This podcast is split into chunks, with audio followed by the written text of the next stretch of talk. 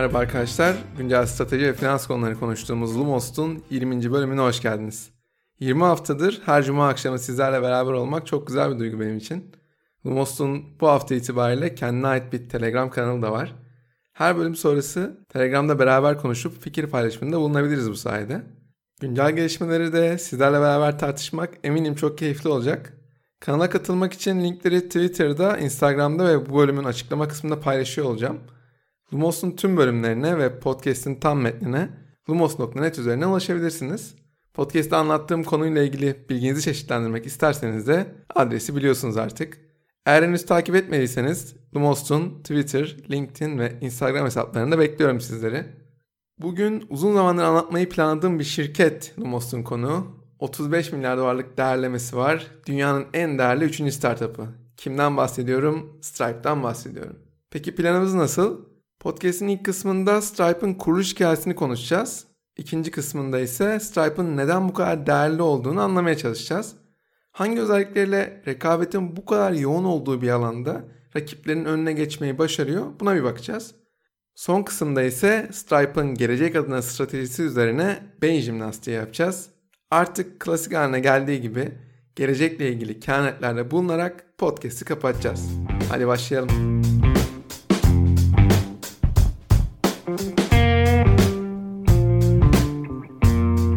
Bir şirketi analiz ederken kuruş hikayelerinden pek bahsetmiyorum ama Stripe öylesine sıra dışı bir şirket ki kurucuların hikayesinden bahsetmemek olmaz. Stripe'ın kurucuları John ve Patrick Collison kardeşler dünyanın en genç dolar milyarderleri arasındalar. İrlanda'da yaklaşık 4000 nüfuslu küçücük bir kasabada Tipperary'de büyüyorlar. Anne ve babaları da girişimci. Kardeşlerin en büyük tutkusu bilgisayarlar ama ilginçtir ki yaşadıkları yerde internet bile yok.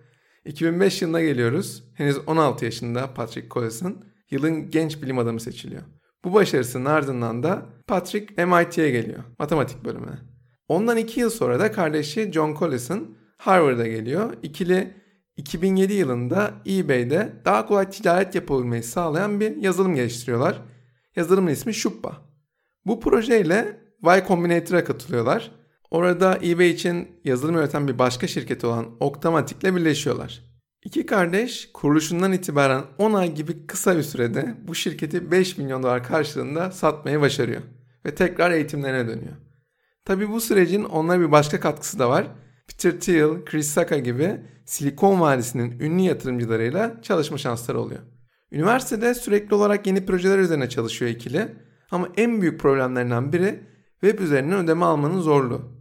2010 yılının başlarında bu probleme çözüm bulmak için yola koyuluyor kardeşler. Yine 2 hafta gibi kısa bir sürede ilk prototiplerini yapıyorlar. Sonraki 6 ay boyunca da bunu diğer startupların kullanımına açıyorlar. İnsanların yazılımla etkileşimini analiz ederek projeyi sürekli geliştiriyorlar. Başlangıçta piyasanın ne kadar büyük olduğundan emin değiller. Bir ödeme şirketiyle ortaklık kuruyorlar. Ancak tüm deneyimi kontrol etmenin tek yolunun sürecin tüm yönlerini kontrol etmek olduğunu çok çabuk anlıyorlar. 2010 yılının sonbaharına geldiğimizde bu ödeme sistemi iki kardeşin tam zamanlı iş haline dönüşüyor. Üniversitedeki eğitimlerini yarıda bırakarak tamamen bu projeye odaklanıyorlar. İşte Stripe bu şekilde doğuyor. Stripe da Lumos'ta adından sıklıkla söz ettiğimiz Y Combinator hızlandırıcı programı mezunlarından biri. Airbnb'nin hikayesini konuştuğumuz Lumos'un 16. bölümünde dünyanın en ünlü ve başarılı hızlandırma programı Y Combinator'ı uzun uzun konuşmuştuk. Y Combinator mezun olmanın en önemli avantajlarından biri daha önce Y Combinator'dan mezun olmuş başarılı startuplarla sizi buluşturuyor olması. Stripe üzerinde sahip oldukları ürün tüm startupların işine yaradığı için de mükemmel bir birliktelik ortaya çıkmış. Y Combinator'a katılan potansiyeli yüksek startupların önemli bir bölümü Stripe'ın ilk müşterilerine oluyorlar. Ve sürekli geri bildirimler vererek ortaya harika bir ürün çıkmasını sağlıyorlar. Yine Airbnb bölümünde hangi hızlandırıcıdan çıktığınızın, başlangıçta kimlerden yatırımlar aldığınızın startup dünyasında gelecek adına çok önemli referanslar olduğunu konuşmuştuk. Stripe'ın ilk referansı Y Combinator. Y Combinator'ın ardından da Mayıs 2011'de kim var? Peter Thiel, Sequoia ve Anderson Horowitz. Bu üçlü 2 milyon dolarlık bir seed yatırımı yapıyorlar. Sonrasında da herkes Stripe'a farklı bakmaya başlıyor. Sonraki roundlarda Stripe'ın yatırımcılar arasında Founders Fund, General Catalyst gibi ünlü VC'ler de katılıyor. Bunun yanında finans sektörünün dev oyuncularında Stripe'a stratejik yatırımları var. Kimler bunlar? Visa ve American Express Ventures Stripe'ın uluslararası genişleme aşamasında çok ciddi stratejik katkılarda bulunuyorlar. Stripe'ın bugüne kadar aldığı yatırımlarla değerinin 35 milyar dolara kadar çıktığını konuştuk. Bu sayede dünyanın en değerli startuplarından biri haline geldi. Peki Stripe nasıl böyle bir değere ulaştı? Startuplar için en zorlayıcı süreçlerden birinin internet üzerinden ödeme almak olduğunu konuşmuştuk. Ülkemiz üzerinde sanal post kurulum sürecini düşünelim. Önce başvuru için belgeler topluyorsunuz. Sonrasında da başvuru yapmak için ayrı bir uğraş veriyorsunuz. Tüm bu süreçten sonra 10-15 gün içinde eğer şanslıysanız olumlu cevap alıyorsunuz. Eğer başvurunuz kabul edilirse de banka size entegrasyon için kodları gönderiyor.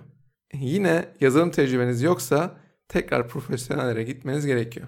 Evet şanslısınız bir banka için çözüme ulaştınız ama ülkemizde ve dünyada yüzlerce banka ve kredi kartı türü bulunuyor. Farklı kart türleri, kart ağları ve taksit opsiyonları süreci daha da zorlaştırıyor. Birçok banka ile sözleşme imzalamak ve yüzlerce senaryo için teknik geliştirme yapmak pek de istenen bir süreç değil. Ülkemizde yaşadığımız bu deneyimin benzerini dünyanın hemen her yerinde yaşıyorsunuz. Eğer dünyanın farklı yerlerine satış yapan bir startupsanız durum daha da sancılı hale geliyor. İşte Stripe'ın değeri bu uzun süreci olabilecek en basit hale dönüştürmesinde yatıyor. Tanım olarak Stripe tarzı şirketlere Payment Facilitator adı veriliyor. Bu modeli en basit şekilde bankalardan kendi ticari ünvanları altında aldıkları sanal postları diğer firmalara kullandırmak olarak açıklayabiliriz. Peki ülkemiz üzerinde bu işi yapan var mı?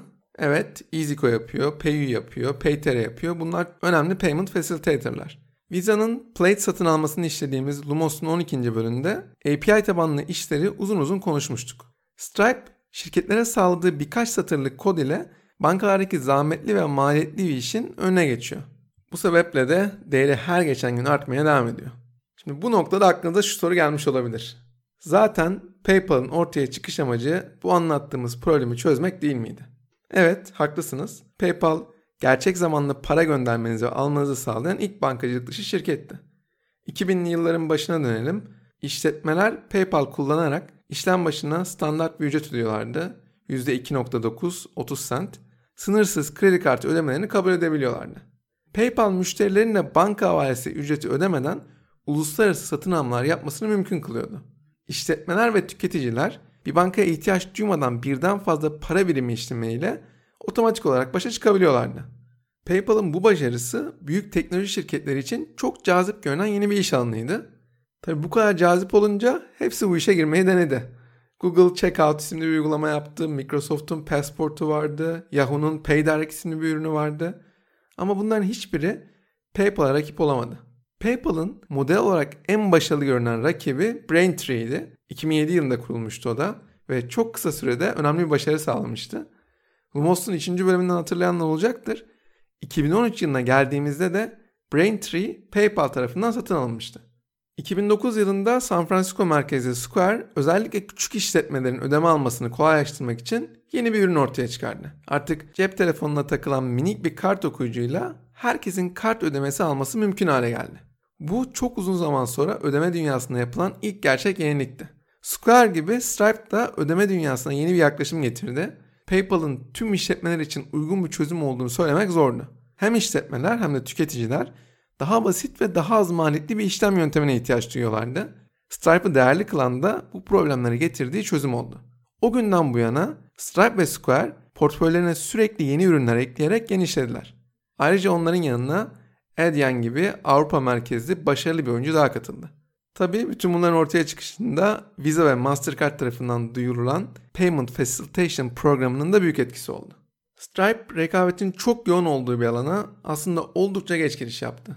Peki Stripe hangi özellikleriyle rakiplerin önüne geçmeyi başardı? Hadi gelin şimdi bunlara tek tek bir bakalım.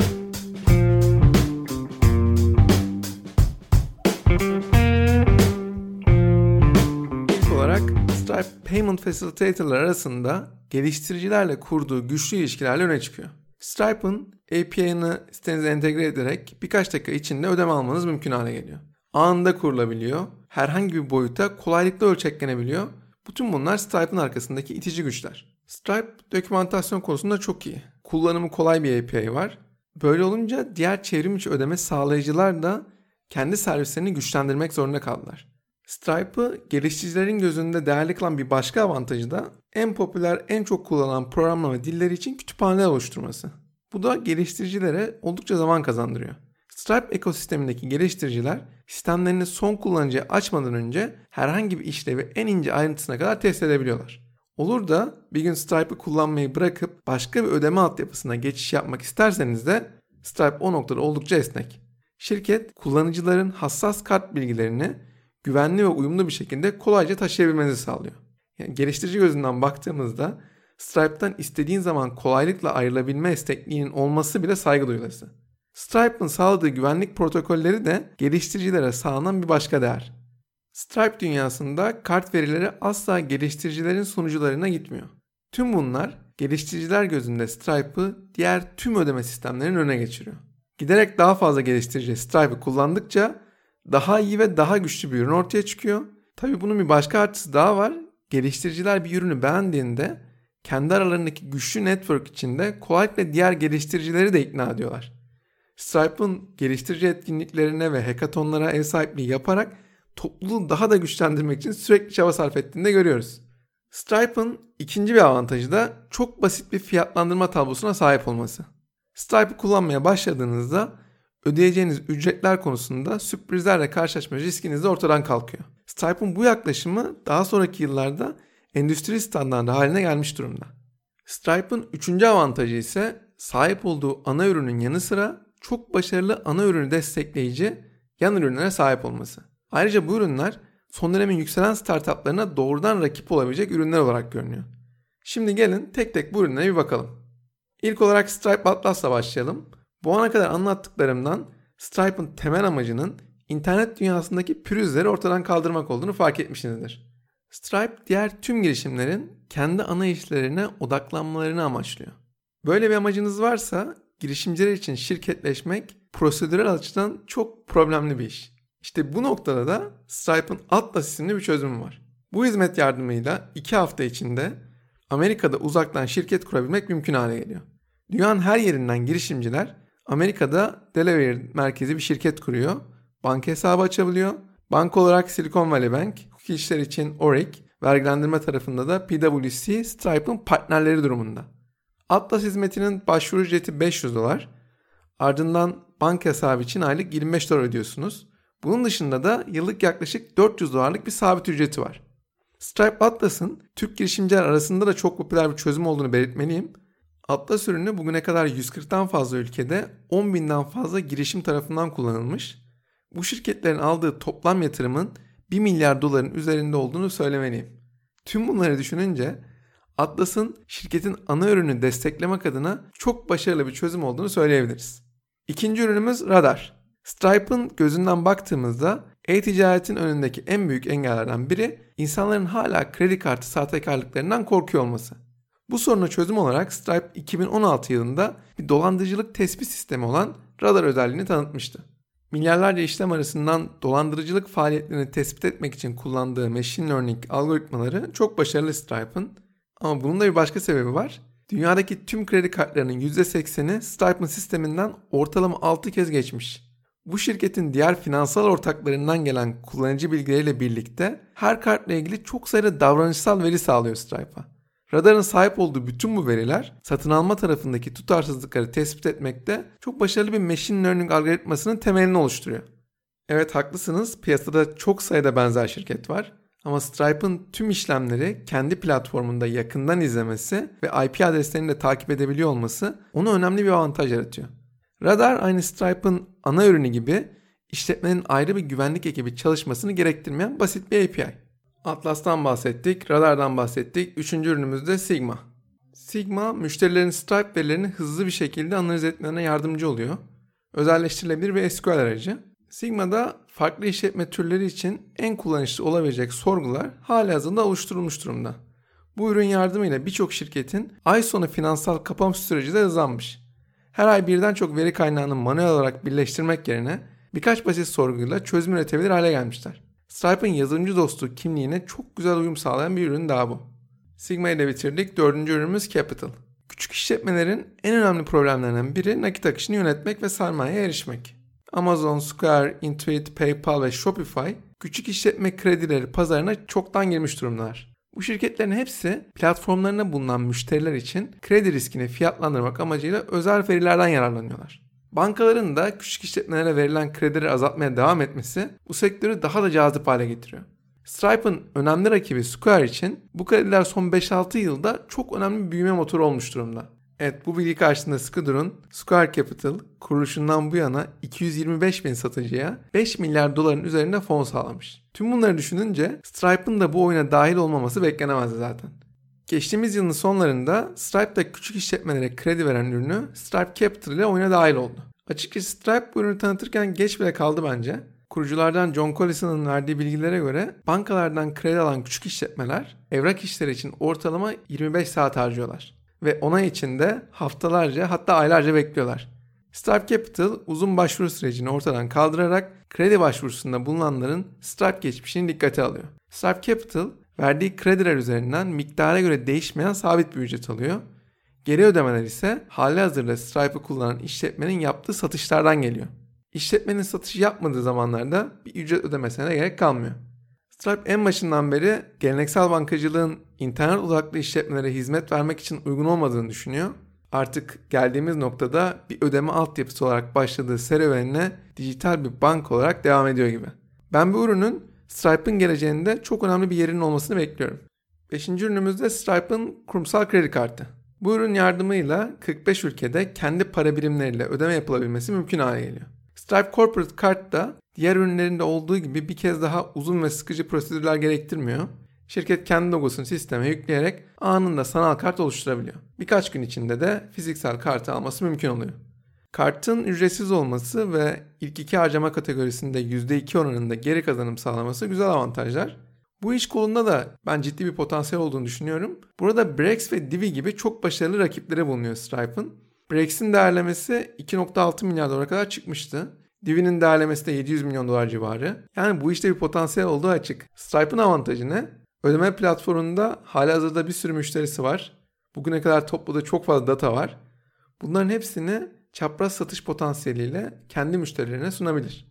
Stripe'ın bahsetmek istediğim 6. ürünü ise yaklaşık 2 yıldır yatırım yaptığı Stripe Issuing. Bu sayede Stripe da bir kredi kartı sağlayıcısı haline dönüşüyor. Sunduğu API ile işletmeler kredi kartlarını oluşturabiliyorlar. Normalde bu ihtiyaç için şirketlerin bankalara başvurması gerekiyordu. Stripe bu işte de olabildiğince prosedürleri ortadan kaldırarak halihazırdaki müşteri tabanının da ilgisini çekiyor.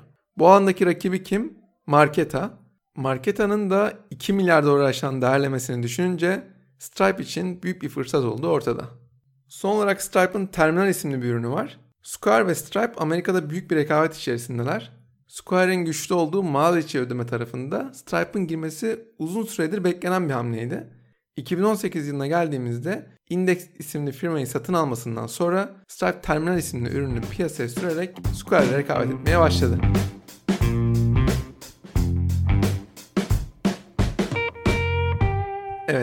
Anlattıklarımdan sonra kritik soruyu sorma vakti. Stripe 35 milyar dolar eder mi? Eğer bu soruya hayır cevap veriyorsanız yalnız değilsiniz. Sizin gibi düşünen birçok analist var. Ödeme dünyasını acımasız bir savaş alanı olarak tanımlıyor onlar. Ödeme endüstrisinin düşük kar marjları ve yoğun rekabet ortamı böyle düşünmelerinin belki de en temel sebebi. Sayısız girişim, büyük bankalar, Google, Apple sistemden kazanabilecekleri her kuruşun hesabını yapıyorlar. Stripe işlem başına %2.9 ve 30 cent ücret alıyor. Bakınca çok yüksek bir komisyon olarak görünüyor ama bunun %2.5'unu bankalara hizmet ücreti olarak ödüyor Stripe. Yani Stripe'a işlem başına %0.4 gibi çok küçük bir marş kalıyor. Kişisel fikrime gelince ben Stripe'ın potansiyeline inananlardanım. Halka açık bir şirket olmadığı için şirketin finansalları üzerinden değerlemesini yapmak çok mümkün değil. Ama yine de 35 milyar dolar Stripe için kabul edilebilir bir değerleme olarak görünüyor. Stripe'ın ödeme hacmini net olarak bilmiyoruz ama CB Insights'ın tahminine göre 2019 yılında yaklaşık 150 milyar dolarlık bir hacme ulaşmış. Stripe'ın en önemli rakipleri Square ve Adyen. İkisi de halka açık şirketler olduğu için metriklerine net olarak ulaşabiliyoruz. 2019 yılında Adyen 232 milyar dolar, Square'de 110 milyar dolarlık hacme ulaşmışlar. Square'in piyasa değerinin yaklaşık 40 milyar dolar, Adyen'in de 35 milyar dolar olduğunu düşünürsek Stripe'ın piyasa değerinin 35 milyar dolar olması abartılı görünmüyor. Bugüne kadar online satın alma yapan Amerikalıların yarısı çoğu zaman farkında bile olmadan Stripe'ın sistemini kullandılar. Stripe hizmet verdiği 100 binden fazla işletme ile online ödemelerde çok önemli bir oyuncu. E-Marketer'ın paylaştığı bilgilere göre küresel e-ticaret pazarının 2020 yılında 4 trilyon dolar civarında olacağı tahmin ediliyor. İçinde bulunduğumuz dönemde daha önce hiç online alışveriş yapmamış insanların bile ilk kez bu deneyimi yaşadığını düşünürsek bu tahminin de üzerine çıkacağız gibi. Bu onların alışveriş rutinlerinde de kalıcı bir değişiklik yapmış olabilir. Böyle bir değişikliğin kalıcı olması durumunda Stripe'ın kazananlardan biri olmasını tahmin etmek güç değil. Peki Stripe'ın gelecek adına stratejisi ne olabilir? Podcast'in son bölümünde de bu soruya cevap vermeye çalışalım beraber. Stripe bugün dünyanın 39 farklı ülkesinde hizmet veriyor. Şirketin küresel genişleme anlamında hala ilk günlerinde olduğunu söyleyebiliriz. Şirketin hamleleri özellikle Güneydoğu Asya ve Latin Amerika tarafında genişleme motivasyonunu gösteriyor bizlere. Bu bölgelerde internet ekonomisinin sürekli büyüdüğünü ve kullanıcıların yüksek katılımını düşündüğümüzde plan çok mantıklı görünüyor. Ana ürünün dışında Stripe'ın son yıllarda portföyüne kattığı ürünleri de düşünerek güzel bir potansiyel var gibi. Stripe da büyümek için M&A stratejisini zaman zaman kullanan şirketlerden biri. Ana stratejisinde geliştiricilerin hayatını kolaylaştırmanın ne kadar büyük bir önemi olduğunu anlamıştık zaten. Stripe 2013 yılında sohbet ve görev yönetim uygulaması Kickoff'u satın almıştı. 2016 yılında da mevcut geliştirici prototipleme araçlarını desteklemek için Rankit'i satın almıştı. Bu iki adımda geliştiricileri memnun etme motivasyonu gösteriyor bizlere. Bunun dışında 2017 yılında girişimciler için bilgi paylaşım platformu olan Indiekers'ı satın almıştı. Bu sayede daha fazla girişimci Stripe'a sempatiyle yaklaşmaya başladı. Bütün bu satın almalar gelecek adına da güzel referanslar olarak görünüyor. Stripe'ın geliştiricilerin hayatını kolaylaştırabilecek başka satın almalar yapması da benim adıma şaşırtıcı olmayacaktır. Bunun dışında unicorn seviyesine ulaşmamış potansiyeli yüksek fintech satın almaları da bekleyebiliriz Stripe'tan. Ben kendi adıma Lumos'un 12. bölümünde anlattığım Play'den Stripe için harika bir satın alma hedefi olduğunu düşünüyordum. Hatırlarsanız Plaid, tüketicilerin banka hesaplarıyla fintechler arasında köprü kuruyordu. Özünde finansal işletme olmayan şirketler ürün geliştirme sürecini hızlı ve kolay hale getiren araçlara ve altyapılara ihtiyaç duyuyorlardı. Bu noktada pis işleri yapmaları sebebiyle tesisatçılar adını veriyorduk Plaid gibi yazılımlara. Bu yazılımların temel amacı eski veri kaynaklarının doğasında var olan karmaşıklıkları ortadan kaldırmaktı. Plaid gibi çözümler geliştiricilerin eski sistemlerin üzerine hızlı ve kolay bir şekilde uygulama geliştirmelerini sağlayarak muazzam bir değer oluşturma potansiyeline sahipler. Tabi Plaid bu kadar büyümüşken Stripe'ın Visa ve Mastercard ile birlikte bu açık arttırma yarışına girebilecek bir gücü yoktu. Bu hamleyi belki 2 yıl önce gerçekleştirebilirdi. Peki Plaid'in alternatifi ne olabilir? Stripe kendi ürünü geliştirmek konusunda çok aktif bir şirket. Belki Plaid benzeri bir ürünü piyasaya sürebilirler. Ya da Plaid'in Yapılı gibi henüz büyüme yolundaki genç rakipleri de Stripe için potansiyel bir satın alma hedefi olabilir. API konusunda uzman ve geliştiricilerin büyük beğeniyle baktığı bir şirketin Plaid benzeri bir ürünü piyasaya sürmesi durumunda başarı potansiyeli bence çok yüksek. Bir başka kehanet ise online alışveriş yaparken kullanıcıların açık bankacılığın faydalarından sonuna kadar yararlandıkları, bank hesaplarından doğrudan alışveriş yaptıkları yöntemler yavaş yavaş popülerleşiyor. Komisyon oranları bu yöntemlerde %3'lerden %0.2'lere kadar düşmüş durumda ve bu tüm taraflar için çok cazip. Bu anlamda da Trilo gibi ödeme platformları da Stripe için ilgi çekici bir satın alma hedefi olabilir. Evet, podcast'in sonuna geldik. Sonuç olarak e-ticaretin hala başlangıç aşamasında olduğunu, giderek daha fazla işletme ve tüketici tarafından benimsendiğini düşünürsek, gelecek Stripe için oldukça parlak. İçinde bulunduğumuz dönem şirketin daha hızlı büyümesi için harika bir zemin oluşturmuş durumda. Stripe'ın tek yapması gereken e-ticareti daha kolay ve daha güvenilir bir yer haline getirmeye devam etmek.